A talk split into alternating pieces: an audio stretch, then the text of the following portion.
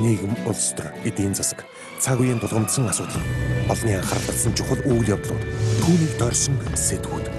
Бид чухал үйл явдлын эздийг тэмдэгч харин тэдний байр суурийг тодорхой мэддэг. Бидний үзэл санаа, үйл хэрэг та бидний амьдралд хэрхэн нөлөөлөх вэ? Энэ бүхнийг хар хайрцаг нөлөөлөхөөс хар хайрцаг. Оройн төргийн хар хайрцаг нөлөөлийн шин дугаар эхэлж байна. Бид энэ удаагийн сонгуулиар царцааны нүүдлийг зогсоож чадах болов уу? Сонгуулийн санхүүжилт болоод зардлын тайланг нээлттэй болгоход ямар хүндрэл бэрхшээлүүд тулгарч байна вэ? Дээрх асуултад нээлттэй нийгэм форумын засаглалын хөтөлбөрийн менежер Ирэг Цэцэг хариулт өгнө.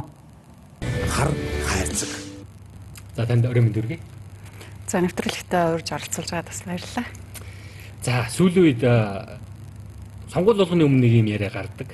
Сонгуулийн үеэр бүр чих асуудал болдог царцаа гэдэг нэг түүхтэй нарийн ярил аюултай гэж хэлж болно. Сарсааны нүүлийн тухай асуудлаар би сэдвээ яриагаа эхлэмээр байна. Яг өчигдөрхөн нэгэн нэр дэвшигч одоо тодорхой материал гаргаж ирээд тэгээд зарцааны нүүдлүүд эхэлсэн байна. Энэ дээр ямар нэгэн арга хэмжээ авахгүй мүү гэдэг ийм одоо юу гэдэг мэдээллийг тагнуул ерхий газар хүргэсэн шүү. Энийг бол олон нийт ерөөхдөө янз бүрийн мэдээлэл хэрэгслэр авсан байгаа байна. За гэтэл хэдхэн сарын өмнө албаныхан бол энэ жил бол зарцааны нүүдэл байхгүй. Энийг бол зохицуулсан. За энэ мэдээж нөгөө нэг хаягжуулалттай шууд холбоотой асуудал. Хаягжуулчийг зохицуулсан. Ингээд ингээд гэтэл харамсалтай нь одоо зарцааны асуудал энэ жил дахиж босч ирэх шинжтэй байгаад байна л да. А би тэгээ танаас юу тодруулмаар байна вэ гэхээр зарцааны нүүдэл урд нь яга гараад идэв гэсэн. А энэ жил гарах боломжгүй юм уу? Гарах нөхцөл байдлыг нь тодорхой хэмжээгээр хэмсэн гэж яриад Яаж хүмсэн юм? Тэр нь хүмж чадсан юм уу гэдэг асуудлаар эхлэмээр байна л да. За яг зарцааны нүүдэл гэдэг маань эхлээд юу хэлээд байна гэдэг тэгэхээр тийм ээ тодорхой одоо хаяг дээрээс тийм ээ давхар бүртгэлтэй хүмүүсийг ч юм уу тийм ээ одоо тодорхой нэг нэр дэвшигчийг дэмжүүлэх гээд одоо өмнөх сонгуулиар бол санаж байгаа бол Улаанбаатараас байх хүмүүсийг Баян хонгороо өсгөл рүү ингээ авсан тэр нэг 2 3 мянга болсон. За Баян хонгорт бол түүн голын эргээр сонгуулийн өдөр баахан майхан босцсон гэл те ийм одоо баталгаатай баталгааг нь бас сайн мэддэхгүй нэлээ их яриа болсон шүү дээ тийм үү. Яг хаа энэ жилийн сонгуулийн хувьд бол сонгуулийн хувьд өөрчлөлт орох нь орсон. Тэр нь яасан гэхээр сонгох шилжиж ер нь болохгүй болгоцсон юм. Сонгогчийн шилжих сонгогчийн шилжих хөдөлгөөнийг бол ингээд хаацсан. А иргэний шилжих хөдөлгөөнөөс тэгтээ туслаа шүү дээ. Иргэний шилжих хөдөлгөөн чинь 2 сарын 1-ээр хаагдсан байна. 2 сарын тийм 2 сарын 1-ээс хойш иргэн бол шилжиж болохгүй. А энэ сонгуулийн тухай хуулиар бол сонгогч юусоо шилжиж болохгүй болоод өөрийнхөө бүртгэлтэй хаяг дээр л өөрөөр хэлбэл саналаа өгнө гэд хэн шилжиж болох уу гэдгийг нь тодорхой заасан. Тэр нь болохоор яг сонгуультай холбоотой ажил хийж байгаа хүмүүс л шилжиж болно гэд. Тэгээд ийм яриа ингээ өрнөд төвлөнгүүд яг хав миний хувьд бол энэ дээр бол төрийн ажилтан биш шүү дээ. Тэгэхээр бол энэ дээр яг бид нар ийм үйл ажиллагаа одоо арга хэмжээ авсан маа гэж бол хэлж чадахгүй. А гэхдээ бидний зүгээс тийм ээ судлаачийн зүгээс ч юм уу тэрэгний нийгмийн хяналт тавьж байгаа байгууллагын зүгээс юуг одоо хүсэж байна вэ гэхээр энэ гарч байгаа ярианууд дээр одоо яг үндэслэлтэй хариултыг энэ өргөний бүртгэлийн газар нь те сонгуулийн ерөнхий хороо нь бол дор дор нь өгөө явуучих хэвээр л доо. Тэгээ үнэхээр одоо тэнд 46 хүн бүртгэлтэй байгаа юм бол яагаад ямар учраас ийм 46 хүн бүртгэлтэй байгаа юм бэ гэдэг дээр бол хариу өгөх хэрэгтэй. Өчтөрийн явсан мэдээлэл дээр бол тийм одоо той баримтыг дурдж байна гэж бид нар харж байсан шүү дээ. А бидний хувьд болохоор бид нар гэдэг нь шудраг сонголтын төлөвлөгөөний хаалц үлчихэд хэд хэдэн төрөмс байгууллагууд эдий. Тэгээ 16 онд бол сонгогчдын боловсрол төв дээр сонгогчдод тусалцаа үзүүлэх шууд утсыг ажиллуулсан. Тэгээ тэрэнд бол сонгогчдын нэрийн чагсалтай холбоотой гомдол хамгийн хэрсэн байдیں۔ Тэгээ тэрнээс үүдээд бид нар энэ жил тодруулах үүднээс яагаад ийм асуудлууд гараад байгаа гэдгийг тодруулах үүднээс бол тодорхой хэмжээнд хяналт тавих гэж үзэж байна тодорхой хэмжээнд гэдэг нь сонгогчдын нэрийн жагсаалт хинд ил болдгүй хинд тэрний одоо хуулбарыг өгдөг вэ гэдгээр нэр нэр дэвшигч эвсэлт өгдөг сонгуульд өрсөлдөж байгаа. А яг хүндлэнгийн одоо сонгогчдын нэрийн өмнөөс хяналт тавиад яг хаалгуудын тогшоод тэр тулгалтыгээ явах гэж байгаа биднэрт тэр жагсаалт чи олддгүй хаалттай мэдээлэлтэй байхгүй юу. Тэгээ одоо яаж бид нар энэ хяналтыг хийж байгаа гэхээр ажиглагчдад хэсэгтэр одоо очсон байгаа сонгогчдын жагсаалтад танилцах хэрэг олгоцсон байгаа. Танилцах хэрэг гэдэг.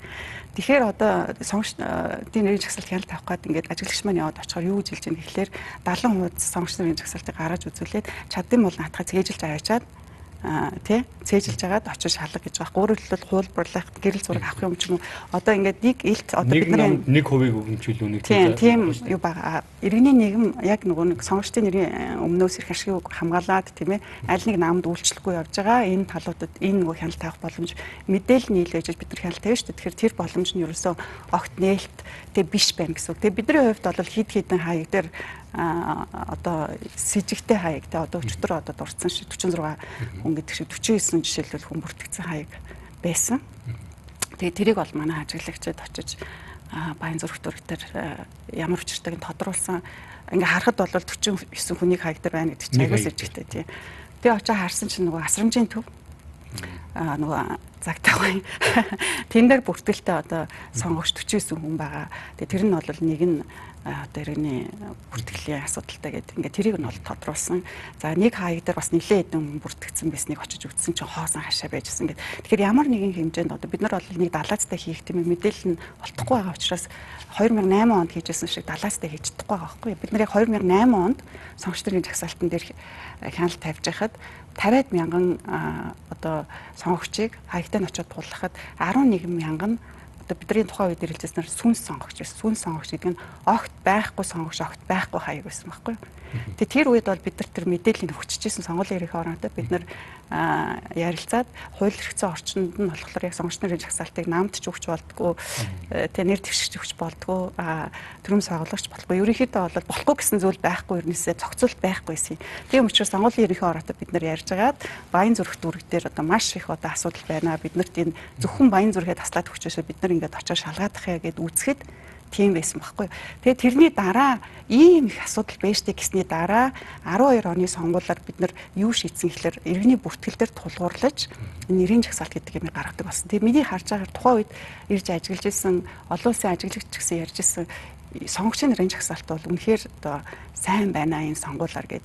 Одоо Европын холбооны тэр иржсэн хүмүүсийн тайлан үзэх юм бол аюу сайн тэрийг одоо магтаж дурссан байдаг. Тэгэхээр 12 оны сонгуулиар бол нэрийн чагсаалт маш зөв байсан. За тэгээ 16 оны сонгуулиас хойш ерөнхийдөө бол ингээ зарим асуудлууд. За бодлон гэдэг хэлхийн тулд битээ баримттай ярих хэрэгтэй. Ерөнхийдөө бол зарим нэг асуудлууд бол гарцааг одоо гарч ирж байна. Тэгэхээр энэ дээр бид нэр анхаарах хэрэгтэй. Тэгээд миний бодлоор бол энийг засаж залруулах нэг арга зам нь ерөөсөө мэдээллийг маш нээлттэй олгомоор хийн шилжсэн, хідэн хүнд шилжих тэр зөвшөөрлийг өгсөн. Одоо тэр мэдээлэл сонгуулийн ерөнхий орон байгаа шүү дээ. Тэгээ одоо энд зарцаа явж байна гэсэн гомдол гарч байгаа бол тэнд тэдэн хүн шилцэн гэдэг мэдээлэл нь ил байж байгаа хэвээр. Тэгээд тэр одоо мэдээлэлтэд тулгаж яаш үнэхээр одоо ийм явдал болсон уу юу гэдэг бид нар мэдэх ёстой шүү дээ тий. Тэгэхээр энэ бол ерөөсөө л нөгөө хяналттай мэдээллийн элтод байдалтай холбоотой. Шудраг сонгуул явж ийн үгүй юу гэдгийг мэдхийн тулд бид нар хянаж ижил мэдэн шүү дээ. Мэдээлэл нь ил байж ижил мэднэ. Маш олон зүйл тодруулж асуумаар байна. Тэгээ би нэг нэгээр нь ингээд задлаа асуухыг бодъё. А хамгийн одоо чухал асуудал бол тэр мэдээллийг сонгогчдын одоо нэрсэн чагсаалтыг ил тод болгохгүй байгаа тийм. Юуны нийгэмд ч юм уу өгөхгүй байгаа тийм. Өгөхгүй байна гэдэг өгөхгүй байна, өгн өгөхгүй гэдэг зохицуулт байхгүй юм байна. Үгүй одоо бол яг хуулиар юу гэж байгаа гэхээр сонгогчдын чагсаалтын хуулбарыг хэн авч болох вэ гэхээр нам эвсэл нэр дэвшигч авч болж байгаа. Тийм учраас энэ нэр дэвшигч үзээд танилцчаад ингээ асуудал гэж яриад шүү дээ тийм үү. Та бүхэн бол авч болохгүй юм байна. Иргэний нийгэмд болохоор ажиглагчаар бүртгүүлсэн тохиолдолд танилцуулна гэж байгаа. Танилцах боломжийг олгоно гэдэг. Тэгээ танилцах боломжийг олгоно гэдэг нь одоо жишээл бид нар очиж хараад нэг хаяг дээр 49 хүн байна. Энэ бол жишээл бид нар сэжигтэй учраас энийг шалгая гэхэд наад хаягаа цээжилж аваад явж болно гэх. Тэгэхээр чин Тэ айгүй мундаг хүн байсан ч гэсэн өнөөгийн зохицуулалт маань нээлттэй болохыг тодорхой хэмжээгээр хязгаарлалтсан зохицуулалт байгаа даа шүү дээ. Хүндлэнгийн хяналт оруулахгүй байхгүй. За энэ чинь миний ойлгож байгаагаар өнөөдөр бидэнд хардлага төрүүлээд байгаа байхгүй. Тэр нээлттэй болгочоор яагаад вэ? Энэ бол яг хуулийн асуудал. Сонгуулийн ерөнхий орон гэхээс сонгуулийн ерөнхий орон хуулийнхаа хүрээнд л ажиллаж байгаа юм.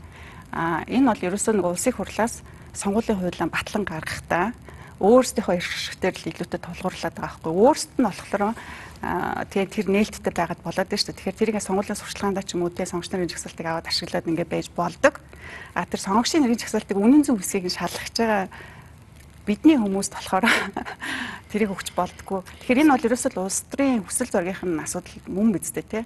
Хиний одоо их ашигт манай хууль гарч байгаа хууль үйлчилж байна гэдэг л асуудал байгаа байхгүй энэ сонгуулийн тухай хууль шинжилэн батлагдсан. Өөрөөр хэлэх юм бол тэр хуулийг өөрчлөхдөө саяны энэ асуудлыг өөрсдийн талд одоо ашигтай байдлаар одоо зохицуулт оруулалт өгсөн бол тарах гэдэг шүү дээ. Өөрөөр хэлэх юм бол олон нийтэд нээлттэй байгаад бид нар одоо юу гэдэг хянах эрхээ эдэлж чадахгүй байх тэр нөхцөл байдлыг л бий болгоцсон байх шүү дээ. Харин өөртөө юм уу дэвшиж байгаа улсууд юм уу тодорхой хэмжээг хараад тэрэн дээр ямар нэг юм хийж болох тийм л одоо зохицуулалттай. Яг энэ сонгогчдын хэрэгсэлтэй холбоотой зохицуултууд яг л тийм явж ирсэн. Энэ дэр хичнээн шүүмжлэл нэмэр байхгүй. Одоо бидний хувьд бол өмнөх сонгуулиуд сонгуулийн хуулийн нөгөө төслийн явж хат зөндөө их зөвлөл загтал хвчээл те энэ сонгогчдын жагсаалтай ядаж тэр хаяг дээр нь байгаа хүмүүс нээлттэй болгоод тэр хаяг дээр давхар давхар олон тэнд амьдэрдгүү 10 20 жил одоо амьдэрсэн хаяг дээр нь огт танихгүй хүмүүсийн бичсэн байна гэдэг нь эдрийг ингээд үзүүлээд гомдол гаргах хэрэг нь олгооч гэдэг. Тэгэхэд зөвхөн өөрийнхөө мэдээлэлтэй танилцах боломж олгоно гэсэн хууль гаргачихж байгаа хүмүүст ч одоо юу ярих вэ те. Өөрөөр хэлэх юм бол зарцааны нүүдлийг ямар нэгэн байдлаар хийж болох хуулийн цоорхоо юм уу нөхцөвийг үлдээсэн хуулийг баталсан байх шүү дээ. Энэ хуулийг одоо өөрчилсөн баталсан нөхдүүд маань жилийн жил хянах боломжийг хунцсан л хянах боломжийг өмнө гэхээр чинь хөндлөнгөөс хянах боломжийг хумчиж байгаа. Тийм учраас ийм яриа үүсэж байгаа байхгүй юу. Тэгэхээр энэ яриа үндсэлтэй хэсгийг бид нар уг нь шалгаж ийж одоо яг ингээд сонголт төгсөн үед бид нар бас хамаагүй ингэж таамгаар ярьж болохгүй. Бидний хувьд бол яг бодиттой баримтаар тулгуурлаж ярих хэрэгтэй л доо. Тэгээд яг нөгөө хяналт тавьж баримтыг гаргаж ирэхдээ айгу төвхтэй яг бидний олж авсан баримт ерөөсө хоёрхан баримт л байгаа. Тэ? Тэгээд энэ дээр үнслээд одоо бас хамаагүй том дүгнэлт яриад тахна хашаач чинь тий. Сонгогчийн шилж хөдөлгөөнийг хязгаарлалцсан байгаа. Шинэ хууль, хуулийн хуулийн дор өөрчлөлт. Хэрвээ сонгогчийн шилж хөдөлгөөнийг одоо хязгаарлалцсан байгаа бол одоо сүүлийн үед гараад байгаа яригдж байгаа одоо юу гэдгийг материалаар бол эсвэл мэдээллээр бол тэр улсууд яаж шилжсэн байх вэ? Өөрөөр хэлэх юм бол хуулиараа бол сонгогчийн болоод одоо ерөнхий шилжих хөдөлгөөнийг хязгаарлалцсан байж байгаа. Иргэний болоод сонгогчийн шилжих хөдөлгөөн юм. А ийм тохиолдолд одоо шилжсэн байх боломжгүй үстэй. Өөрөөр хэлэх юм бол нэг хаяг дээр хуулийн дагуу бол шилжсэн байх боломж байхгүй. Яг энэ хууль заасан шалгуураар энэ сонгуультай холбоотой үйл ажиллагаанд оролцож байгаа гэдэг нь тийм ээ нотлогдох тэр хүмүүс л шилжих боломжтой. Тэгэхээр энэ дээр бид нар яаж хяналт авах вэ гэхээр одоо хэвлийнхэн бүр яг энийг мэдж байгаа сонгуул эрхийн оронд зурчаад энэ хүмүүсийнхаа нэрийг ил олго гэж шаардмар байгаа байхгүй юу. Тэгэхээр хэрвээ энэ одоо шилжсэн хүмүүс байна гэх юм бол тэр нэртэй тэнд тулах нь шүү дээ тийм үү. Тэгжээж бид нар энэ асуудал дээр цэг тавина. Тэгэхээр одоо ерөөсөө сонгуулийн эрхийн орооноос мэдээлэл ил гаргах гэж шаардлагал. Хэдэн хүн шилжсэн, ямар нэртэй хүмүүс шилжсэн. Тэ. За Энэ сонгогчийн болоод ерөн шилжих хөдөлгөөнийг хязгаарладаг өвлөгд маань мэдээж бид нар энэ зарцааны нүдтэй тэмцэх гээд ингээд ингээд энийг хязгаарлаа гэдэг ингээд ярьж байгаа. А гэтэл сонгогчийн сонгогчийн шилжих хөдөлгөөнийг хязгаарлах нь бас нэг жаахан учир дутагдaltaй талууд байгаа. Өөрөөр хэлэх юм бол одоо наашаа цаашаа одоо юу гэдэг оюутнууд гэхэд тийм ээ хотод хичээлэнд дуусаад яадаг ингээд шилжих шаардлага гардаг. Өөрөөр хэлэх юм бол сонгогчийн шилжих хөдөлгөөнийг хязгаарласнаар нийт одоо сонгогчдын тоо багасах нэг юм эрсдэл юм байна. Эрс буурах. Эрс буурах нэг юм асуудал гараад байна шүү дээ. Гарна. Тэгэр шүү дээ. Тэгээ яагаад гарах вэ гэхээр яг энэ нөгөө хуулийг хэлцэж чад бид нар хэлжсэн байхгүй юу? Яагаад та нар тийм ээ улс төрчдийн өөрсдийнх нь ёс зүйтэй холбоотой хуулийн одоо юу гэдэг нь хуулийн хийдлийг ашиглаж тийм ээ сонгуулийн одоо үрдэн нөлөөлөх гэж ийм одоо буруу зүйл хийж байхад чинь сонгогчдыг шийдэж байгаа юм шиг ийм одоо хуулийг тий зохицуултыг хийгээд байгаа юм бай гэдэг дээр бол бид нар нэлээд шүүмжлэл өрнүүлж лээсэн л та. А уг нь бол тухайн үед бол жишээлбэл энийг шийдэх өөр процессын арга байж болдгоо юм уу? Жишээлбэл өмнөх сонгуулиар ингээ 16 онд харж байхад тийм ээ энэ одоо сонгогч шилж байгаа ингээд нэг хүн очдог байхгүй юу? Тэр чи яг тэр шилжиж байгаа хүн очихгүй шүү дээ. Нэг хүн баахан хүний мэдээллийг авчаал одоо юу тийм хэсэг дээр авчиад шилжүүлчдэг нөгөөдөл нь шалахгүйгээр бүртгэд авдаг процессын асуудал үстэй тийм ээ. Тэгэхээр энэ процессыг яагаад хуульчж болдгүй тэгээд энэ процесс дээр хяналт тавьж ажиллах боломжийг яагаад нэмээд өгчөж болдгүй. Өмнөх сонгуулиар бол тэр Баян онгор ус хүсгэлийн сонгох шилжсэн мэдээлэл чинь нэгчиж бүдэг тоо тий бүтэн тоогоор нь гаргуулж авсан. Яг ямар сонгогч ямар шилгаанаар шилжсэн гэсэн мэдээлэл ерөөсөө ил болоогүй шүү дээ. Тэгэхээр тэр бүх мэдээллийн шилжиж байгаа тохиолдолд мэдээлэл нь ил ах хэрэгтэй байхгүй. Тэгжээ бид нар тэрийг хянаа шүү дээ. Тэгэхээр одоо сонгогчдоо шийдгсэн юм шиг ийм одоо юу л зохицуултыг хийцэлтэй харахгүй. Нэг ийм мэдээлэл байна За өнгөрсөн сонгуулиар бол зарцааны асуудал нэлээд яригдсан. Зарим нь бол мэдээ баримттай байсан бах. Зарим нь бүр хууль шүүхийн байгууллагаар шалгагдсан. За зарим нь шалгагдаад яг тэр нэр дэвшигч маань өөрөө одоо юу гэдгийг ялж шийдэл хариуцлага хүлээхгүй сонгуулийн штабт нь ажиллаж исэн хүн ялж шийтгэл хүлээгээд өнгөрсөн ийм тохиолдлууд байна.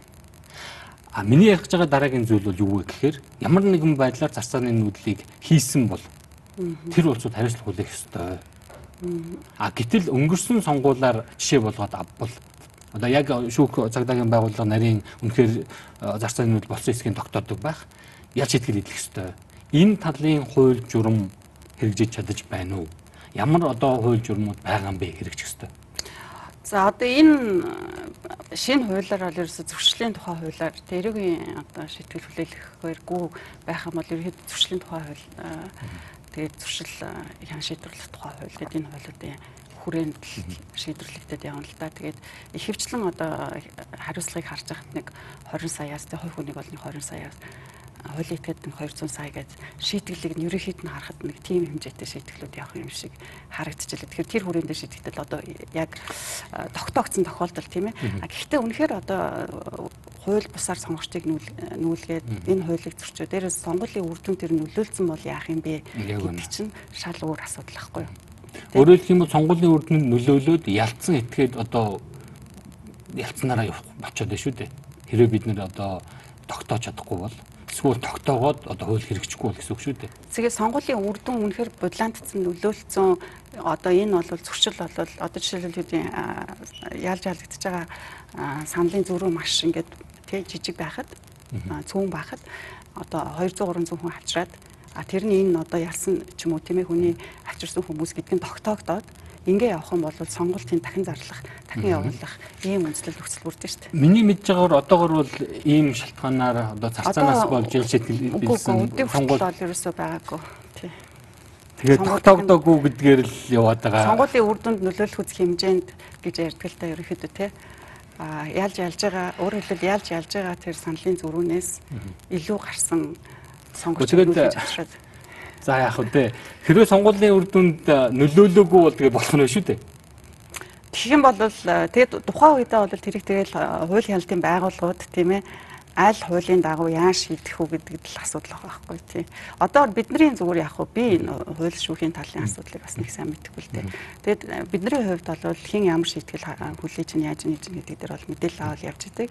Уртлын сонгуулиар бол 700 орчим гомдлыг цагдаагийн газар авч шийдсэн гэж биднэрт бол хариу өгчээсэн. Тэгээд тэр бүх асуудлууд чинь цаашаа яг гүнзгийрээд яаж шийдэгдэн гэдэг дээр бас мэдээлэл чинь хомс шүү дээ. Тэрний араас явж байгаа төрийн байгууллагын хувьд бол их л хэцүүтэй мэдээлэл олж авах бол тийм. За их хурлаа нэвтрүүлгийн маань эхний хэсэг энэ түрээд өндөрлөж байна гэсэн хугацааны дараа эргээд уулзцаая. За бид одоо болтол бас бүрэн шийдвэрлэж чадахгүй байгаа нэг томоохон асуудал байна сонгуультай холбоотой. Энэ бол юу вэ гэхээр сонгуулийн одоо зардлын асуудал, санхүүгийн зохицуултын асуудал, За одоо бол бас хөрөнгө оруулалтын мэдүүлэг энэ төрлийн зарим нэг зүйлсийг бол олон нийтэд ил болгосон. За яг сонгуульдаа ашиглаж байгаа мөнгө тэрний их сурвалж гэдэг нэгээд мөнгө санхүүтэй холбоотой томхон асуудлууд багтдаг. За би энийг нэг шат дараатаагаар одоо үзэгчдэд одоо мэдээлэл хүргэх гээд хичээе. За бидний мэдэж байгаагаар сонгогч өнөдөр баг ойлгож байгаа бах энэ жил бас нэг онцгой зүйл өөрчлөлт хуулинд өөрчлөлт ороод хөрөнгө оруулалтын мэдүүлэг бол олон нийтэд болсон. За тэрэн дээр би нэг зүйлийг асуумаар санагдаад байна. Тэр нь бол юу гэхээр хөрөнгө оруулалтын мэдүүлэг дээрээ мэдүүлгээ үнэн зөв өгсөн эсхийг бид яаж мэдх юм бэ? Гадуур ч гэсэн одоо дэлцүүл тийм яриа байгаа.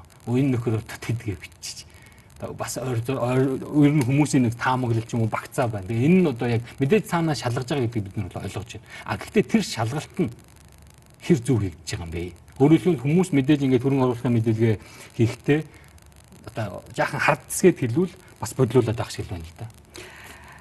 Тийм. А тэр бол энэ нөгөө хуулиар орж ирсэн э, маш одоо твшил дэвшилсэн зохицуул дээр энэ дэвшил дээр асуудал байх шиг байна. Тийм 16 оны сонгуулиар чинь адилхан хөрөнгө оруулалтын мэдүүлгээ өгчээсэн шүү дээ. Зүгээр тэр мэдээлэл ил болдгоо байсан байхгүй. Тэгээ тэрний хойноос дөрвөн байгууллагууд авлагатай тэмцэх газар сонгуулийн ирэхээр өгөөгүй газар одоо нөгөө хүсэл бичиж мэдээлэл авах хүсэл бичиж тийм мэдээлэл авах хэрэг тухай хуулийнхаа дагуу тэгэж явсны үр дүн тэгээ дараа нь нөгөө хуулийн төсөл дээр маш их одоо санал өгч ирсний үр дүнд энэ жил одоо ингээд анх удаа энэ сонгуулаар бид нар хөрөнгө оруулалтын мэдээлэл гэдэг юм ил болгож байна. А гэхдээ бол Франц сарын 2-нд тийм ээ сонгуулийн сурчлагын албан ёсоор хэлж байгаа тэр цаг хугацаатай тэгээ ижил ингээд гарч ийн. Тэгэхээр энэ хугацаанаас хойш одоо энэ дээр одоо сонгуул болт хэдхэн хоногийн хугацаанд энэ дээр хяналт байхад маш хэцүү. Тэгэхээр эхний одоо хяналтыг бол ингээд иргэдтэй өгч өчих шиг байна тий. Сонгуулийн хуулиар бол яг энэ авилгатай тэмцэх ч юм эсвэл сонгуулийн ерөнхий орон ч юм уу энэ асуудлаар гомдол авч одоо юу яа тэрний дагуу хяналт шалгалт хийн гэсэн зохицуулт байхгүй. Тийм. Тэгэхээр бол ямар ч үсэн ингээд ихний алхмаа ил болгож байгаа юм байна гэдэг. Тэгэхээр бид нар дараагийн алхам нь юу вэ гэдгийг ярих хэрэгтэй. Тэгэхээр энэ хүмүүс дундаас ч одоо одоо манай улсын хурлын гишүүд тодроод а 76 гишүүн манд тодорхой шинэ парламент бүртээ суун дээ тийм үү. А тэр хүмүүсийн хөрөнгө оруулалтын мэдүүлэлт чинь хэрвээ тэн дээр асуудал байна гэх юм бол одоо хэн шалгаж вэ гэдэг. Тэгэхээр одоо явж байгаа хуулийн дагуу улсын хурлын өөрийнх нь ёс зүйн дэд хороо гэж байдаг шүү дээ тийм тэр хороо шалгадаг байхгүй юу. Тэгээ тэр хороон дээр хизээч ерөнхийдөө хөрөнгө оруулалтын мэдүүлгийн асуудлаар тийм ээ яг нөгөө нэг методологи аргачлалын дагуу одоо шалгаж байгаа тийм тохиолдол ерөөсөй байдгүй. Өөрөөр хэлбэл юмыг давчдаг гэсэн үг шүү дээ. Өөрсдөр нь одоо өөрсдөр нь одоо нэг ангийнхныг суулгаж байгаа тийм ээ найзуудыг суулгаж агаад найз найзгаа хянаа гэж байгаатай гिचлэн баггүй манай хууль. Тэгэхээр чин хин тэнд тийм шудраг хөндлөнгийн хяналтыг хийх гэдэг нь угаасаа эргэлзээтэй. Тэгэхээр бол бид нар энийг бол том одоо би бол хувьдаа том хуулийн хийдлээ гэж хардаг. Хэрвээ авилгатай тэнцэх газар гэдэг байгууллага тийм ээ яг мэрэгжлийн хувьд энэ дээр тийм ээ аргачлалын дагуу хөрөнгө оруулалтын мэдүүлгийн үнэн зөв хэсгийг тийм ээ шалах ёстой гэдэг ингээд байгууллага байгуулсан байна шүү дээ тийм үү. Тэгэх юм бол энэ байгууллагада яагаад энэ эрхийг нь өгч болтгүй юм бэ? Заавал яагаад өмнө тийм ээ ангийнхны ангийнхнаар нь хянуулах утгагүй заалтыг бас оруулаад тавьсан юм бэ гэдэг ийм асуудал байнга яригддаг л да. Тэгээ өнөө хүртэл шийдэгдэж чадахгүй чадахгүй байгаа гол асуудал хөрөнгө оруулалтын мэдүүлэлийг ил болж байгаа сайн аа тэгээд буруу бол яах юм гэдэг бүдрэг гацаатай байгаа л гэдээ ойлгочиход байна. Өөрөөр хэлэх юм бол тэрэн дээр тавьж байгаа хяналт шалгалцуул байна гэсэн үг шүү дээ. Тийм. Гэхдээ одоо энэ удаагийн энэ хөрөнгө оруулалтын мэдүүлгийн ил болж байгаа энийг тойрсон хилцүүлгүүд явж байгаа гэдэг нэг сайн тал нь одоо хяналт дээр нь ярьж эхлэх гээд байгаа байхгүй. Тэгээ энэ одоо битрэл мэдхийн аюу мундаг чинэлэх хүн яагаад одоо жишээлбэл ингээд гэр бүлийн орлого нь тийг байд ингээд яриад эхэлж штэ тийм үү. Тэгэхээр дараагийн удаа бол энэ дээр хэн яаж хяналт авах энэ мэдүүлэг гарсны дараа дараагийн арга хэмжээ нь ямар байх юм гэдгийг хуулиндаа сайн зохицуулах энэ одоо нэг талаар дараагийн алхмаа хийх боломж төсөл бүрдэж байна л гэж би бол харж байна. За дараагийн нэг томоохон асуудал бол сонгогчдын одоо сонгуулийн сурчлагын зардал тэрний мөнгөний их сурвалжийн тухай асуудал байна. За мөн одоо бас нэг шин зүйл бол юу гэхээр хандив тусламж гуйдаг гэх юм уу, хүсдэг гэх юм уу, ийм нэг одоо зарчим бий болж байна. За хувь хүн 5 сая төгрөг үлээ. За аж ахуйн нэг 20 сая хүртэлх төгрөг ингээд хандуулнаа гэдэг ингээд байж байгаа. За хин хідэн төгрөг хандуулж яваа гэдгийг бид бас сайн мэдэхгүй байх шиг байна нөгөө мэдээж ил болох ил болох бах. Мэдгүй гэдэг нь би юу ярьж байгаа юм бэ гэхээр сонгогч нэр дэвшигч өөрөө хуваасаа одоо сонгуулийнхаа сурчлагаанд мөнгө зарцуулдаг. Хэгэн хідэн төгрөг зарцуулж вэ гэдгийг бид бол эцсийн байдлаар наяр хвчилж мэдгүй байгаа. Өөрөөр хэлэх юм бол их мөнгөтэй хүн бол маш их мөнгө зарцуулаад байдаг. Юунд зарцуулсан мэдгүй. Зургаа хэвлүүлэхэд юм уу? Санал худалдаж авахд юм уу? Ийм асуудал байгаа. Тэгэхээр бид өнөөдөр энэ сонгуулийн сонгуульд нэр дэвшиж байгаа хүмүүсийн сурчлагын мөн сонгуулийн одоо энэ зардлыг ямар хэмжээнд хянж чадж байгаа юм бэ? А саяны хуулийн өөрчлөлтөөр бол тодорхой хэмжээний архив дэвшил гарсан гэдгийг ойлгож байна. А гэхдээ бүрэн хэмжиж чадахгүй байх шүү. Аа гарцаагүй том асуудал бол юм. Тэгээд хэллээ. Одоо нам эсэл нэр дэвшигч хаанаас сонгуулаа санхүүжүүлж байгаа гэхлээр яг хуулийн дагуу бол өөрийн хөрөнгө гэдэг тэр нь хязгаар байхгүй. А хандив болохоор түр хэллээ те тодорхой хязгаартай гэдэг өөрийн хөрөнгө төр хязгаар байхгүй ах нь бас өөрөө нэг шудраг цаагуулын зарчимтай шууд зөрчилддөг. Тэгээд түрүүн ярьсан хөрөнгө оруулалтын мэдүүлэгтэй холбоотой яг тэгээд мэдээлэл гарсан дараа бол баахан л шууган боллоо шүү дээ. Тэгээ өөрийн ийм баян байж яагаад ингэж хандив тусламжаар ингэж сонгуулаа яах гэдэг санхүүжлэх гэдэг байгаа ингээл тий. Уг нь бол тэр жижиг хандвар сонгуулаач улс төрийн намаач санхүүжүүлэхийг эрүүл үзэгдэл цаашдаа урт хугацаанд арчлаа тий авч явахад сонгуулийн одоо цэвэр болгоход улс төрийн намаа институцийн хувьд төлөвшүүлэхэд энэ бол маш зөв хандлага юм байна. Гэхдээ нөгөө талд яа харахгүй бид нар өөрийн хөрөнгө гэдэг дээр хязгаар тавьж өгөхгүй болохоор ийм одоо хачин үзэгдэл гараад байгаа байхгүй. Тэгээ түрүүн хэллээ өөрийн хөрөнгө дээр хязгаар тавьж өгөхгүй болохоор ямар асуудал үүсгүү гэхээр нөгөө дэгш хөрсөлдөх зарчим, дэгш гарааны зарчим гэдэг чинь шууд алдагдчихж байгаа. Тэгэхээр 16 оны сонгуулиар бол төрийн мэс агуулгууд аудитын газраас бөө нэхэл дагуул болж цөөн хідэн нэр дэвшигчийн зарлын тайлан гэж өгдөг сонгуулийн дараа шүү дээ хизээч одоо тэр бол ингэ сонгогчдод ил болдгоо байсан л да энэ жил бол болно. Тэгээ тэр одоо 16 оны тэр хаалттай мэдээллийг олж авахд ихэнх нь өөрийн хөрөнгөөр гэж бичсэн байдаг. Тэгэл одоо зарлын дансанда тий маш их хэмжээний мөнгийг шилжүүлээл тэгээд харахад бол ихэвчлэн нөгөө бэлэн бэлнээр авч зардаг. Тэгээ тэр үнэхээр одоо сонгуулаа зураг тууцаа хэвлэхэд зарсан юм уу эсвэл санал худалдаж авах зарсан юм уу гэдгийг мэдэх арга байхгүй. Тэгээ тэр зарлын зарлаас гадна бас ямар зардлууд данснаас гадуур ямар зардлууд явсан бэ гэдгээр хяналт авах бас боломж байхгүй. Тэгээ эхний нөхцөл болох мэдээллийн ил тод юусэн хангалт хангалтгүй ил тод байдлын ерөөсөн хангалтгүй ийм байсан юм аа. Тэгээ одоо бол ямар нөхцөл бүрдэж байгаа гэхээр одоо 6 сарын 21-нд сонгуул болохоос 3 хоногийн өмнө бүх нам эсэл төр твшигчд болвол бид нар ийм хэмжээний мөнгийг босгоод ийм зүйл зарцууллаа гэдгээ ил тод нээлттэй мэдээллийн хуулийн заалтыг анхудаа энэ сонгуулийн хуульд оруулж өгсөн твшилттэй. А гэхдээ өчтөр өчтөр миний авсан мэдээлэлээр бол 606 нэр твшигч маань зарим нь энэ мэдээлэл ерөөсөө мэдэхгүй байна Өөрөөр хэлбэл хуулиа зөрчих гэдэг шүү дээ. Хуулиа зөрчсөн тохиолдолд өндөр торгуултай ийм заалт явж байгаа.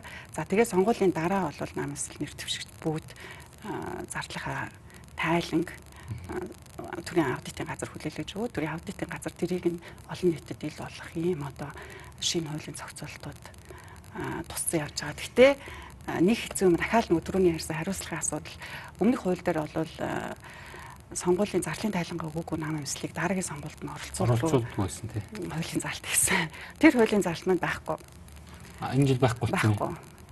Тэгэхээр өөр ямар хариуцлага хүлээх юм? Торгуулийн хариуцлага байгаа зуршлын тайлант. Тэр нь хэдэн төгрөг вэ?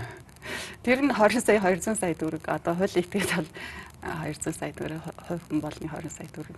Манаас ачвал тэр чинь дорн гаргаал өгч шүү дээ. Зарим тэгэл их баярхдаг шүү дээ. Тийм тэгэхээр бол уг нь бол олон улсын стандарт зарчим нь болохоор тийм ээ. Ахиж тийм үйлдэл гаргуулахгүй байх хэмжээнд цээрлүүлэхүүц тийм одоо шийтгэлэг ногдуулах хэрэгтэй л гэдэг л дээ. Тэгэхээр бол энэ нь одоо манай нөхцөлд үнэхээр тийм хөшүүрэг болж чадахгүй юу гэдэг те маргаантай л асуудал байхгүй юу? Хэдэн тэрбумаар сонгуул таяж байгаа улсууд тэгээд тэрний торгуулийг дараа нь бол энэ ээж гад нэг 20 ч юм уу 200 саяг өгөөд л гараа явуучих байх л да зөв миний хардлаар бол нэг зүйлийг бас тантай ярилцж тодруулмаар байна. Тэр бол юу вэ гэхээр сонгуул зарцуулж байгаа мөнгөний их сурвалжийг яаж хяндаг юм бэ? Өөрөөр хэлэх юм бол тэр одоо мөнгө угаагдах маягтай явал болж байгаа юм уу үгүй юм уу? Хин нэгэн хүнээс би төвчснийхаа дараа ийм тийм юм чинь бүтээж өгнө гэд мөнгө авч байгаа ч юм уу ч юм уу. Энийг одоо яаж мэдэх? За тодорхой хэмжээгээр тэд нар юу гэдэг ингээд анд туслан дэмжлэг авдаг байж болно. А миний өөрийн хөрөнгө гэдээ бахан мөнгө ороод ирсэн байна. Тэр өөрийн хөрөнгийн өөрийн хөрөнгө гэдгийг яаж баталгааж баталгааж болох юм? Тэр нь одоо ямар одоо бид нар чинь сарлж жагсаалтнаас сарж жагсаалтанд орцсон энэ бүх асуудлууд ил тод биш учраас орж байгаа гэж бид ойлгоод байгаа. А тэгэхээр тэр сонгуульд өрсөлдөж байгаа нөхөр өөрийн одоо шудраг хөдөлмөрөөрөө олдсон хөрөнгөөр өрсөлдөх ёстой шүү дээ. А тэрнээс биш тэр ямар нэгэн авилга хэл хахуул мөнгө угаалтын элдв зүйлд ороодсон тэр мөнгөөрөө сонгуульд гарч ирээд эргээд сонгуульд ясныхаа дараа нөгөө нөхдүүдэд тэр ажлыг бүтээж өгдөг нэг ийм нэг одоо алдан бус гэх юм уу бид барыг гадралдаг харддаг болчихсон одоо уламжлал Монголд байгаа даа шүү дээ татвар э, төлсөн орлогоороо баталгаажих ёстой шүү дээ өөрийн хөрөнгө гэдэг нь.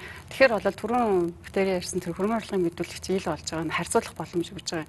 Гаднаас нь ажиллаж байгаа хяналт тавьж байгаа төрийн байгууллагууд бол аль болох нөгөө харьцуулах мэдээлэл ил хийж ижил тэрэн дээр асуудал гарвал тий ийм биш үү гэдгийг бол анхааруулах харах хэмжээ авах боломжтой болно шүү дээ. Тэгэхээр хөрөнгө орлогын мэдүүлгийг ил болсноор яг тухайн хүн тийм ээ ийм хэмжээний хөрөнгөөр сонгуулийн санхүүжүүлэх боломжтой юу, сонгуулийн сурчлагыг санхүүжүүлэх боломжтой юу гэдгийг хянах боломжтой болчихж байгаа энэ жилийн үед.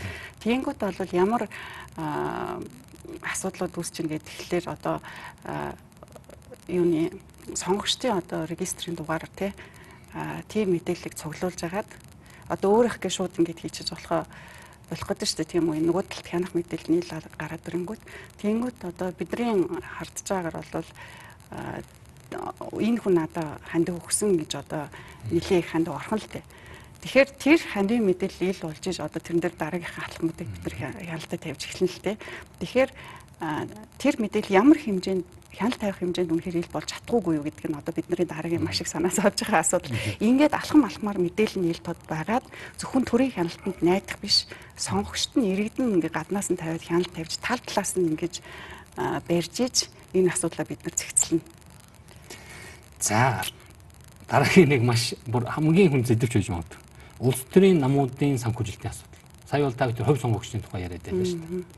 Улс төрийн намуудын санхүүжилтийн асуудал, ил тод байдлын асуудал, нөгөө шилэн дансны хууль гэдээ бид маш олон жил ярьж байгаа. Өөрөөр хэлбэл улс төрийн намууд янз бүрийн байдлаар мөнгө хосгочдөг. А тэр нь ил тод болдоггүй энэ тал дээр ямар акцент гарч байгаа юм бэ? Өөрөөр хэлбэл энэ миний одоо бидний ойлгож байгаа бол бидний бидний хардлагаар бол энэ асуудал тасрахгүй байгаа даа шүү дээ. Үргэлжлэх шинжтэй байгаа. Бид тасалж чадахгүй байгаа даа шүү дээ.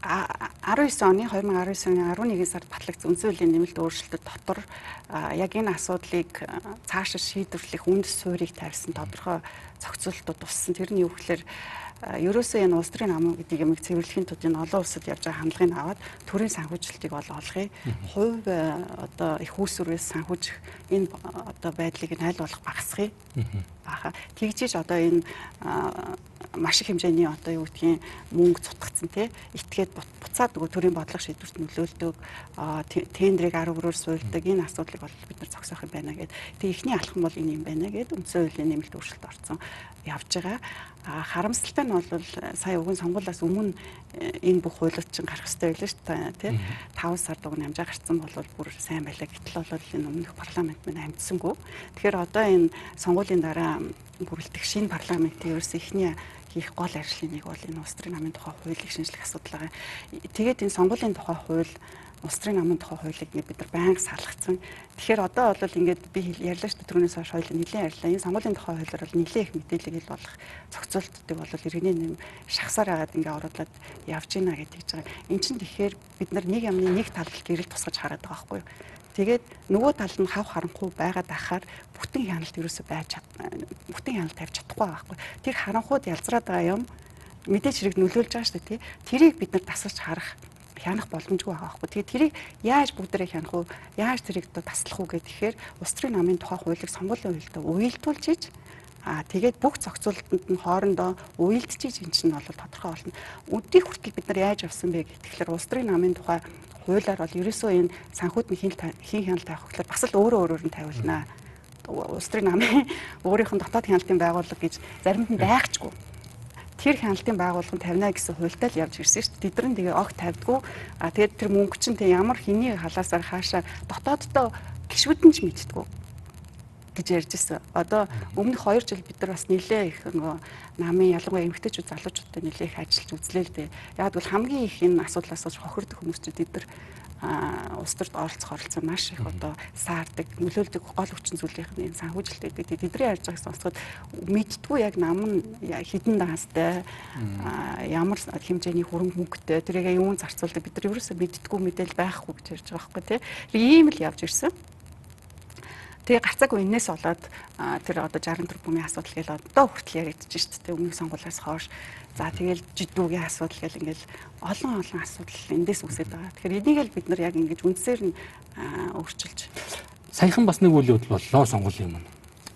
Зарим нэгэн нам хүчний байгууллагууд маань нэр дэвшигчдээсээ а татаас авах тухайн асуудал яригадад аваад эхэлсэн. Одоо тэр явж байгаа. Энийг би бол ойлгохгүй. За нэгэд та түрүүн ярианда ярьсан нөгөө шудраг өрсөлдөөний зарчим гэдэг. Одоо тэг мөнгөгүй дэвшиж болохгүй нэ нөгөө нөгөө намаасаа гарах чагсаалтын нэр нь орч чадахгүй. Тэгээд тэр мөнгөнийхэн тө өсөө яваад байсан. Одоо энийг бол бүгдээрээ байгаа учраас би нэг нарийн нэр ус зоож ярмааргүй байна. Энэ үйл явдал маань өөрөө шудраг бус өрсөлдөөнийг бий болгоод байхаас гадна хуульч өчөд байгаа юм шүү. Өөрөөр хэлэх юм бол яг та бүхэн саяны ярьсан намын санхүүжилтийн тухай асуудал руу шууд ороо байгаа. Тий. А тэгээд нөхдүүд бол яг хөө нийл тод байх нь зүгээр юм шүү гэдээ ингээд яриад байдаг энэ үнээр хил тод болгож байгаа юм юм. За намууд бол өгсөн хандвийнхаа мэдээллийг авлагатай тэмцэх биш аудитын газар өгөөд аудит тэрийг бол вебсайт нэрээ захин мууцсан дээр одоо бол тавьсан байгаа шүү дээ. Тэгэхээр тэндээс бол хараад яг хаанаас ямар хэмжээний мөнгийг зарлалын таасанд оруулж байгаа гэдгийг бол манай үзэгчд харах боломжтой. Гэхдээ тэр чинь зөвхөн бас нэг юмны өчөх хүн жижиг хэсэг нь баггүй юу. За зарлалын данс гэдэг чинь намын данс гэсэн үг биш намын дансан дотор хаанаас юу орж ирж байгааг бид нар мэдэхгүй харах боломж байхгүй. Тэгэхээр яг хав тэр одоо нэр дэвших дэвших горилагчд гэж л яриадсэн. Тэдрээс авч байгаа мөнгөө олохлоор бид нар татвар авч ийн гэж тайлбарлажсэн шүү дээ. Аа тэгээд намынх нь вебсайт руу ороод харах юм бол татвар энэ бол татвар юм а гэсэн тийм одоо тайлбартай дөрмөн дотор нь явж байгаа шүү дээ. Хаалтан дотор хийцэн. Аа тэгээ хуулийн унших юм бол гişүүдээс авах татвараа наам өөрөө тогтооно гэсэн ийм одоо хууль гэж. Өөрөөр хэлбэл хуулийн хийдлийг одоо маш их сайн ашиглаж байна л гэсэн үг байхгүй. Тэгэхээр одоо айл болох чинэлэг мөнгөтэй гişүүд татаж тэ тэдрээрээ одоо санхүүжих ийм л байдлаар одоо явж байна. Тэгээд зарим нь бол бүр хаанаас санхүүж одоо ханж мэддэхгүй шүү дээ. Нэг их мөнгө хаяал байдаг. Тэгээ яг тэр мөнгө нь хаанаас гарч ирж байгаа гэдэг дээр яг өмнөний хэлэхэд биднэрт мэдээлэл байхгүй. Бид нар сүүлийн 30 жил яг ингэж явж ирсэн. Тэгэхээр тэн дотроос чинь нөгөө нэг магадгүй хууль бус мөнгө тийшээ ороо явж байгаа ч юм уу ч юм уу гэдэг асуудал. Тийм л учраас өнөөдөр бид миний ойлгож байгаагаар нь харч ихсалтанд орчод энээсээ гарч чадахгүй байгаа юм болов уу гэж би боддог. Ерөөсөө энэ устрын намын санхүүжилт дэлдод бус байгаа нь өөрөө энэ нэг өндөр хэмжээний авилга гэж яригддаг шүү дээ. Өндөр түвшний авилга гэдэг энэ асуудлыг бол хамгийн их нөхцөлжүүлж байгаа хүчин зүйл гэдгийг бол сүүлийн хэдэн жилийн турш маш олон судалгаан дээр л яригдж байгаа. Тэгээ ярьж ярьж байгаа дүнзэн хуулийн нэмэлт өөрчлөлтөд энэ зарчмууд нь туссан их юм. А одоо энэ нэг нөгөө хууль олгож яг жинхэнэ нөгөө гэрэл тусах хэрэгтэй газар гэрлээ тусгаж чадахгүй л яваад байна л да хэдүүлээ. Миний хамгийн санаа зовж байгаа эмзэглсэн зүйл юу вэ гэхээр хувийн үднэс биш Монгол улсын иргэний үднэс. Ийм шудраг бус зарчмыг ингээд одоо олон нийтэд ил зарлаад өөрөөр хэлбэл чи мөнгөгүй дэвч чадахгүй гэдэг нэг ийм зүйлийг уламжлал болгон тогтоох гэж байгаа юм шиг ийм одоо юу гэдгийг хандлага руу орчиж байгаа байхгүй. Өөрөөр хэлбэл уучлаарай та ийм мөнгө өгөх ёстой над байхгүй. Тэгвэл дэвшихгүй. Чи энэ бол ерөөсөө энийг нээлттэйгээр олон нийтэд хүлээн зөвшөөрөөд тэгээд маш олон намын гишүүд нь зөвшөөрөөд ингээд явж байгаа байхгүй. Энэ чи одоо нэг бодлоо миний бодлоор бол энэ л шүү дээ. Тэгээд энийг ерөөсөө хүлээж зөвшөөрч болохгүй. Харин хүлээж зөвшөөрч болохгүй. Энэ одоо судлаачдын хувьд бол маш их одоо дэнчин гэж яриад байдаг. Энэ бол үнэхээр одоо сонгогдох хэрхийг маш бүдүүлгээр зөрчиж байгаа асуудлаа. Эдийг бол ярьж ирсэн. Аа тэгээд ярьж ярьж ерөөсөө ямар шийдэл байна вэ гэдэг. Тэгэхээр түрүүний битүүрийн ярьсан нөгөө олон одоо дэмжигчдээс бага хэмжээний хандив авч тийм ээ сонгуулаа санхүүжилдэг энэ систем дээрээс одоо үнэхээр хүрэхгүй байх юм бол төрийн санхүүжилт гэдэг ямыг олгодог. Яагаад гэвэл нам гэдэг чинь өөрөө байгууллага шүү дээ тийм ээ. Тэгэхээр тодорхой хэмжээнд оршин тогтохын тулд тэнд ямар нэгэн байдлаар санхүүжилт хэрэгтэй. За тэгээ дээрээс нь сонгогчтойгоо байн харилцаатай байх тийм ээ тэр өдөр тутмын үйл ажиллагаа явуулахын тулд бас тодорхой хэмжээний санхүүжилт хэрэгтэй. Огт мөнгөгүйгээр энэ улс төрийн намын тогтолцооч орших боломж байхгүй. Тэгэхээр бол тодорхой хэмжээгээр төрөөс энийг дэмжих хэрэгтэй. Энэ хандлага тэртээ дөрвөө олон улсад одоо явж байгаа хандлага. Тэгэхээр энийг Монгол улс яагаад авч хэрэгжүүлж болдгүй юм бэ гэсэн үндсэн дээр бол энэ одоо шийдлүүд яригадад ингээд орж ирээд байгаа юм. А гэтэл бол зохицороо бүрэн хийгдэж чадахгүй байгаагийн нэг жишээ нь түрүүний тэр өөрийн хөрөнгө гэдэг юм дээр бид нар хязгаар тавихгүй шүү дээ. Гэтэл бол бид нар нэг 2 жилийн одоо өмнө бол одоо нэг Канадад нэг ажиллаар явж хахад тэнд одоо шүүхийн одоо маш их олонний анхаарлыг татсан хэрэг явж ирсэн. Тэгээ тэрний намын доторх санхүүжил бүр намын доторх сонгуул бүр одоо үндэсний хэмжээний манай шиг юм сонгуул биш бүр намын доторх даргын төлөө үзтэлсэн хүмүүс. Тэгээд нэг тэрбумт мундаг хүн тэрэнд өрсөлдсөн. Өөрөөсөө баахан одоо мөнгө зарцуулсан. Аа тэгээд тэр тэрнээс нь болоод одоо сонгуулийн хорон шүүхт төгсөө явж исэн. Ягаад гэвэл тийм 25 мянгаас илүү 25 мянган доллараас илүү та бол өөрийн хөрөнгөөс зарцуулах боломжгүй гэдэг. А тэгэнгүүт нөгөөдөг чинь зээлээр бүр ингээд сурчлагынхаа материалуудыг хийлгэцэл юм байл л те. Яг мөнгөөс гаргаад өгчөөг. Тэгэх юм бол их хуулиа зөрчсөн болох гээд. Тэгээд би одоо ингээд ягааргүй зээлтэй хүмүүстэй одоо надад мөнгө нэна би өгчөө. А дараа нь би бол энийг ингээд хандвар босгоод тэр мөнгөө өөрөө авчаа гэсэн чинь тийм юм байхгүй гэд. Ингээд тийм төвшөнд хүртэл тэнд ингээд шүүхийн хэрэг явж исэн гэж боддоо. Тэгэхээр манайх бол ингээд сул хайцсан дээрээс нь хяналтгүй ийм нөхцөлд одоо бид нар өдөө хүртэл ингээд сонгуулаа зохион байгуулалт явцсан юм аа. Устрын намууд нь ч гэсэн ингээд дураараа дургаас сурцсан байна. Тэгэхээр энэ асуудлаа одоо хэдүүлээ хумж авъя гэх. Тэгээд тэр төрийн санхүүжилтийг ямар шалгуураар олох юм гэдэг асуудлыг бид нар энэ дөрвөнд ярьж тогтоох шаардлагатай. Яг хөө энэ удаад би яагаад энэ өмнөх парламент энэ дээр одоо шийдэл олж чадсангүй гэдэг. Тэгэхээр нэгдүгээр нь бол нэг нам хит олон суудалтай байсан парламент л та Тэгэхээр бол энэ бол аль болох нэг олон талын зөвшөлтсөлт. Яагаад гэвэл зөвхөн парламент асуудалтай байгаа намуудад төрийн санхүүжилт нь яваад тийм ээ бусад намуудад өрсөлдөх боломж нь олохгүй тэр одоо нөөц болцоо нь олохгүй болохоос шудраг бусан шүү дээ тий. Тэгэхээр энэ бол ингээ олон талын хилцэн одоо хэл талын байр суурин дундаас хамгийн зөв шийдлийг олох хэрэгтэй асуудал байхгүй төрийн санхүүжилтийг олгож байгаа. Тэгээ ямар шалгуур хэр өндөр тогтоох юм бэ гэд энэ асуудал л да. Тэгэхээр магадгүй дараагийн парламент дээр энийг олон талаасаа ингэж ярьж идэх юм ч гэсэн зөв байж магадгүй гэж би бол бодож байна. За их баярлалаа нэвтрүүлэг маань хоёр дахь хэсгийн түрээд өндөрлөж байна. Удахгүй үргээд уулзцаая үзэгчтэй. Би нэг зүйлийг танаас лавлж бас тодруулмаар байна л да. Тэрүүгээр ихээр их хуралд нэг дэд хороо байдаг. Сонгогчдын одоо нэрсийн жагсаалт болоод бүртгэлийг хяндаг дэд хороо байсан. Лав өмнөх парламент энэ биш. Тэрний өмнөх парламентд лав байсан. Тэгээ энэ парламентд тэр нь хайцсан сонгогчдын нэрийн жагсаалтай холбоотой асуудлууд яг 2008 оны нэг айхтар сонгуул болсон шүү дээ тийм ээ. Айгүйх маш их бодлоотой сонгуул болсон. Тэгээд дараа нь мэдээж хэрэг маш мэрэгэлтэй үйл явдал болсон гэдгээр арчлын түүхэнд нэлээд хар талууд болсон тэр сонгуул. Тэгэхээр тэр хүртэл бол энэ сонгогчдын жагсаалт гэдэг юм чи ерөөсөө л хяналтгүй байж ирсэн. Дуртай этгээд нь тэнд өөрчлөлт оруулж болж байдаг. Аа тэгээд түрүүн зарцаа байтахаас сүнс гэл ингээл янз янз юм ярьлаа шүү дээ. Тэр бодлон чи ерөөсөө гол бодлон чи тэндээс үүсдэг гэдэг юм байсан л да. Тэгээ энэтэй холбоотой бол мэдээж хэрэг нөгөө намууд нь санаа тавиад тэгээд бол ингээд тодорхой санаачлагууд хяналтыг сайжруулах юмнууд хэрэгжүүлэх ёстой гэдэг ингээд санаачлагууд явж эхэлсэн. Тэгээд нөгөө бүртгэлийг төгөлдршүүлэх гэдэг асуудал чинь тэндээс хойш яригдаад тэгээд энэ иргэний бүртгэлтэй энэ сонгогч нарын жагсаалтыг холбоод 12 оноос хойш гайгүй болоод ирэнгүүт нь одоо хаана жоохон санаа амраад анхаарал суларсан байж тээ. Тэгэнгүүт дөрөв миний ярьсан 16 оноос хойш эхлээд энэ асуудлаа дахиад гарч эхэлж байгаа байхгүй. Тэгэхээр одоо эн чинь юу гэж хэлээд байна гэхээр тэр үед тавьж исэн хянал тэр үед тавьж исэн анхаарал буцаад энэ асуудал дээр чинь ирэхгүй юм бол дахиад энэ асуудал чинь яваа яваанд нэлээд амжирч магадгүй болсныг л хэлдэг чинь л гэж хэлээд байна л да. Тийм дид хороо байх нь магадгүй хэсэг бүлэг зарим нэгэн улсуудад төвхтэй байсан баг л да. Төв болоод.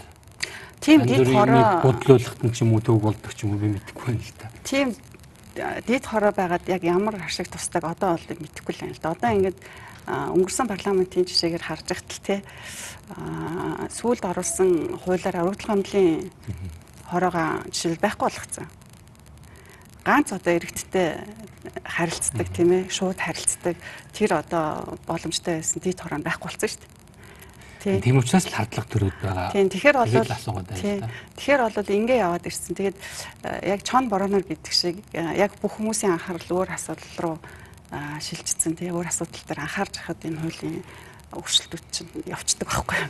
Тэгэхээр энэ дээр бол бид нар буцаар шаардах ёстой болж байгаа юм л да хэрэгтэй гэж үзэх юм бол тий а гэхдээ үндсэн хуулийн нэмэлт өөрчлөлтийн дагуу одоо дараагийн яригдахны гол асуудал болохоор энэ хяналтын төр хороо гэдэг юм байгуулах боломжтой болчихж байгаа байхгүй. Тэгээд тэрний процессыг бид нар маш сайн хуульчилж өгөхөд анхаарах ёстой. Тэр нь болохоор бүр тэр усын их хурлын одоо тухай хууль төр биш бүр тусдаа бүр наривчлсан процесстэй ийм хуулийг гаргаад өгөх юм бол энэ бүх асуудлыг хамарч бие даасан хяналтын хороо авах нь шүү дээ. Тэр нь болохоор бүр нөгөө бүрэлдэхүүний хувьд болохоор зөвхөн одоо олон холсон нам биш цөөхөн төлөвлөлийг заавал оролцуулна энэ төргээд үндсүүлийн нэмэлт өөрчлөлтөөр орсон байгаа. Энэ бол том боломж гэж бид нар харж байгаа. Тэгэхээр энэ том боломжийг яаж зөв хуульчилж зөв хүрсэн дөрөнд буулгах уу гэдэг дээр бид нар анхаарах хэрэгтэй. Тэгэхээр энэ олон дэд хорооны ч гэсэн баг хэрэгтэй байхгүй. Яг үл энэ чинь тодорхой асуудал төр хяналт авах гэж бид нар яриад шүү дээ. Тийм хяналтын хороотой болчвол тэрний хууль дүрмөнд батлагч гэсэн шүү дээ. А гэхдээ бол би энэ үргэлж гомлын хороог алга болгосон дэр бол гомдолтой байна. Энэ бол улсын хурлын хувьд бол миний бодлоор буруу одоо ухарсан алхам хэлээ л гэж харж байгаа. За бас нэг хязгаар чийдэгдүү асуудал байна сонгуул дээр. Энэ санал тооллогын асуудал. Одоо та бүхэн бид бүхэн бүгдөө мэднэ таач мэднэ. Тогийн тасалдаг, хайрцагтай саналыг авч цугтаадаг, хар хайрцгийг хакерддаг гэдэг маш олон асуудлууд яригд. Үнэн худлаа мэдэгддэг. За миний өөрийн одоо олж судалснаар гэх юм уу мэдж байгаагаар бол тэр хаар хайрцгийг бол одоо тусгайлан хакердаж тест хийж шалгаж үзсэн байдаг юм шиг байна. Монгол биш л дээ гадны орнууд. Хар хайрцаг болгоно адилхан байдаг эсхийг би мэдэхгүй байна. Одоо тэр хамгийн сүүлийн үеийн нарийн нууцлалтай хар хайрцаг ч юм уу одоо тоолгын машиныг биелж шүү хар хайрцаг гэж хэлээд байгаа. Манай энэ хар хайрцаг биш.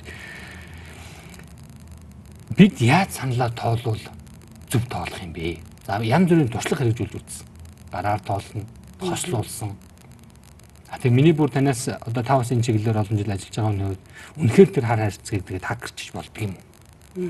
Тэгэхээр одоо яг 19-ний хүртэл сонгуулийн ерөнхий орон дээр явагдаж байгаа ажил бол ерөөсөө л энэ нөгөө сонгуулийн санал тоолох автомат хөрөмжийг лацдах, битүүмжлэх, шалгах ийм процесс бүх нам эвсэл нэр дэвшигчээд тэгээд иргэний нийгмийн хяналтаар ажиллагчдын хяналтаар явагдаж байгаа. Тэгээ хяналт нь яаж авах вэ гэхээр бид нар бас наривчилж ярихгүй болохгүй шүү дээ. Тэрэн дээр яаж авах вэ гэхээр тэгээ явж байгаа машинуудаас санамсруу байдлаар төвөрлөө тодорхой тестүүдийг хийж байгаа. Жишээлбэл яг одоо миний энэ нэр дэвшигчд өгсөн санал энэ дээр гарч ирэхүүгээ. Дээрээс нь time bomb одоо цагийн бөмбөг гэж нэрлэдэг байдаг тий. Аа тэнд одоо програм дээр нь суудсан байх боломжтой янз бүрийн одоо асуудлуудыг бас давхар шалгаад үзчихэж байгаа. Ингээд ийм байдлаар бол ямар ч байсан хяналт тавигдчихж байгаа юм аа. За тэгээд хакер тухай яриад идгийн. Тэгээд бусад улсуудын нөгөө кино энэ төр ингээд гардаг штэ тий. Тэр чинь бол тэр машин бол онлайн байгаа хгүй өөрөөр хэлбэл тий. Манай хувьд бол онлайн биш байдаг. Ерөөсөө тийж холбох боломж үгүй байх ёсгүй. Тэгээд тэрийг нь бид нар хянжих ёстой. Тий. Тийм үг нь боломж байхгүй. Тэ манай машины хувьд манай машин чинь бол хагас захим гэж ярд тийм бүтэн захим биш. Одоо тэр нөгөө нэг Hack and Democracy Center гэдэг кино яадаг шүү дээ. Тий одоо бид нар орчуулаад нилээ ингээ яваад байгаа. Тэр кинонд дэр гарч байгаа чинь сонгогч очиод цаас ямар нэгэн баримт үлдэхгүй яг автоматар бүрэн автомат ийм машинууд байдаг байхгүй. Тэгээд миний өгж байгаа санал бол автоматар санаа тоологдно. Манай машины онцлог нь болохоор ямар ч байсан миний саналын хуудас үлдчихдэг. Тэгээ альва нэг асуудал гарлаа гэж бодоход саналын хуудсыг гаргаж ирээд тоолох давхар тоолох боломжтой. За тэгээ сонгуулийн хуулийн дагуу бүх одоо хэсгийн орооны 50%-ийг нь санамсаргүй байдлаар төвөрлж авч агаад аудит гэдэг гэж ярьдаг. Энийг олон улсад гараар тоолж аудит гэдэг. За тэгээд иргэний нийгмийн хувьд болохоор өнгөрсөн сонгуулиудад энэ дэр яаж ажилласан гэхэлэр үнэхээр санамсаргүй байдлаар тэр хэсгийн хороодыг шалгаруулж авч ийн үгүй юу гэдэг дээр хүндлэнгийн хүмүүсээ оруулаад бас нэлээд болж иж оруулнаа. Иргэний нийгмийнхнийг бас нэлээд ад үздэг шүү дээ. Намынхныгаа бол ингээ оруулцдаг Иргэний нийгмийнхэн дандаа нэг 18-аас 20 хэдэн насны нам бус залуучууд итэг гаргаад гүйж байгаа шүү дээ. Тэднийг оруулах гэж нэлээд болно. Тэгээ ороод бид нар яг гэхдээ орчдөг. Тэгээ хянжсэн. Тэгээд тэр төвөр дээр бол ерөөсөө бид нар асуудал өнгөрсөн одоо ажиглалтын талангаас үзэхэд ямар нэгэн асуудал гарч байгаагүй. Яг ингээд санамсаргүй байдлаар төвөрлээд за тэгээд хэд хэдэн бидний ажиглагчдаас суулгасан хэсгийн ороод дээр энэ гар тооллого, давхар гар тооллого явуулж байгааг харж ирсэн. Тэгэхэд бол ямар нэгэн байдлаар зөрүү гарч байгаагүй. Тэгээ бусад одоо намууд бол ингээд ялж ялгцсан хүмүүс янз янз юм ярьж шүү дээ. Ялангуяа ялгцсан талаас бол янз янз юм ярьдаг. Тэр үед нь бол бидний хувьд юу шаардах хэрэгтэй вэ гэхээр тэр баримтыг нь шаардах хэрэгтэй байхгүй яа. Тэгвэл намууд одоо ямар боломжтой байдаг гэхээр тэр машин дээр тоолсон бүх саналын сетийн дээр бичиж аваад тийм имижийг нь зургийг нь CD-н дээр бичиж тэдэрт өгчөж байгаа. Өөрөөр хэлбэл тэд нар гэртээ очиод компьютер асаагаад давхар бүх саналуудыг тоолох боломжтой. Ингээд нөгөө түрүүнд би хэлсэн шүү дээ. Энэ нөгөө олон бодлоо янтар гарлаа гэдэг бид нар яаж хянах юм бэ гэхээр ил тод мэдээлэл байж тэрэн дээр давхар давхар тал талаасаа хяналт тавьж ижил эний чинь хязгаарлалт маа тэрнээс биш сонгогчдыгаа төөрөгдүүлээ лийш тийш ингээл тавхаал янз бүрийн мэдээлэл ингээл өгөөл савлуулаад байх юм бол нөгөө сөрөг тал нь сонгуульдаа итгэх иргэдийн итгэл буураад эрцэн буурах тийм одоо буруу сөрөг нөлөөтэй. Тэгэхээр энэ дэр манай намууд ч гэсэн маш боломжтой хандах хэрэгтэй. Үнэхээр одоо тэнд асуудал гарлаа гэх юм бол баталгаажуулж энэ нөгөө авж байгаа мэдээллүүдээ тийм ээ дахилж үзэх хэрэгтэй. Тэндээс тэр сидийн дээр нь тий хуулбарыг заавал авах хэрэгтэй. Эхлэлийн биел гэж байгаа тэг биел. Тэгээ тэрний дараа юу болсон бүх зүйлийг бол үзэх боломжтой. Тэр машин дотор чинь бас лог гэд яг ямар ямар үйлдэлүүд явагдсан гэд тэрийг нь давхар хянах боломжтой гэд ингээд хяналтын одоо янз бүрийн боломжууд байгаа. Тэгэхээр энэ бүх мэдээллийг нягтлж үндснийхээ үндсэн дээр сонгогчтой бас мэдээлэл өгч хариуцлагатайгаар сонгуультаа оролцох нь бас зүйтэй байхаа. Тэгэхгүй бол сонгогчдийнхоо одоо ихтгэлд сүргээр нөлөөлөх тийм бас мэдэгдүүдийг хамаагүй хийж ажиллахгүй. Тэгээд би уртлын одоо сонгуульд санаж байгаа бол тий одоо хамгийн их хар машин одоо хэцүү шүү гэжсэн хүмүүс тийм ээ гинт машин одоо тоглолтоод гараар толлоо болсон чинь гараар тоолж бодлоо болох гэж байна гэл ингээл хэлдэг тий. Тэгэхээр ингээ хоёр тишээ ингээд савлаад идэг юу хэлээд байна гэхээр хардаж болно, сэрдэж болно гол нь ингээд цаана байгаа хяналтын энэ олон боломжуудыг гол нь ашигласан юм уу гүм үү те? Тэгээд ямар үндсэлтэй энийг та нар хэлж байгаа юм бэ гэдэг дээр тодорхой олон боломжоо бид ашиглаж чадж байгаа юм. А за ер нь бол биднэрт байгаа мэдээлэлээр бол сонгуулийн ерөнхий орооноос бүх одоо сонгуульд оролцож байгаа намын эвсэлд ажиллагчтай явуулж машин дээр хяналт тавихад оролцуулаа гэсэн мэдээлэл хүргүүлсэн гэж ойлгосон. Тэгээд дөрвөн нам хариу ирүүлээд тэрнээс хоёр нь бол нэлээ мэдээлэл багтаа орж ирж байна гэж ярьж байсан шүү. А манай хувьд бол 12 оноос энэ сонгуулийн автоматжуулсан системийг ашиглаж гиснээс нь хойш медас гэдэг төрөмсөө алга гэдэг хүнлэн хяналт тавьдаг. Тэгэд яг энэ IT чиглэлийн угаасаа мэрэгчлийн хүмүүстэй энэ төрөмсөө алга тэднийх бол тогтмол хяналт тавьж ирсэн байдаг. Тэгээ яг ямар хүрээнд ямар тестүүдийг яаж хийв гэдгээ бол сонгогчдод эргээд дээлттэй тайлагнаж мэдээлээд ингээ явж идэг. Ер нь яаж тоолох нь зөв юм бэ? Машинаар тоолоод давхар гараар тоолно гэдэг нэг аль найдвартай дээр гэж манайхаа ингээд нэг юм яриад байна. Одоо яг л тэгж байгаа 50% бол давхар тоолж байгаа шүү дээ тийм ээ. А тэгээд тэр 50% бол санамсаргүй төврөөр ингээ авчиж байгаа. Яг тэр санамсаргүй төврөөр авж ийн үгүй юу гэдгийг ажиглагчид дууг хянах боломжтой байхгүй юу? Тэгэхээр тэр хяналтуудаа л ингээ зөв тавиа явчих юм бол миний хувьд бол манай хяналтын систем тий одоо байгаа энэ хяналтын зохицуулалт бол нэлээд хангалттай юм шиг санагддаг. Аа яг хав тодорхой нэг хэсэг дээр ч юм ингээ алдаа гарлаа болохоо байлаа гэх юм бол дахиад тэнд давхар гараар тоолох тэр процессоос явагдаж болно шүү дээ тийм үү. Тэгэхээр гол нь биднэрт юу байна гэдэг тэгэхээр тэнд байгаа сонгогчийн тэмдэглэсэн саналын хуудас үлдэж гин гэдэг нь өөр айгуу чухал. Аа тэгээд тэнд ажиглагчд байгаа тэр саналын хуудсыг тийм ээ хамгаалаад харж байна гэдэг нь айгуу чухал байхгүй юу? Хараасан төлөвийн энэ дугаарын түрээд өндөрлөж байна. Бидэнд хамтаас үзэгч та бүхэндээ баярлалаа. Баяртай үзэгчтэй.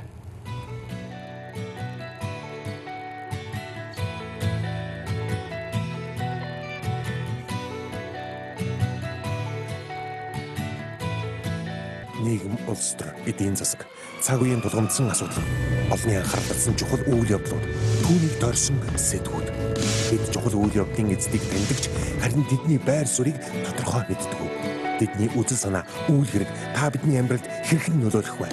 Энэ бүхнийг хар хайрцаг нөлөөлөхөөс хар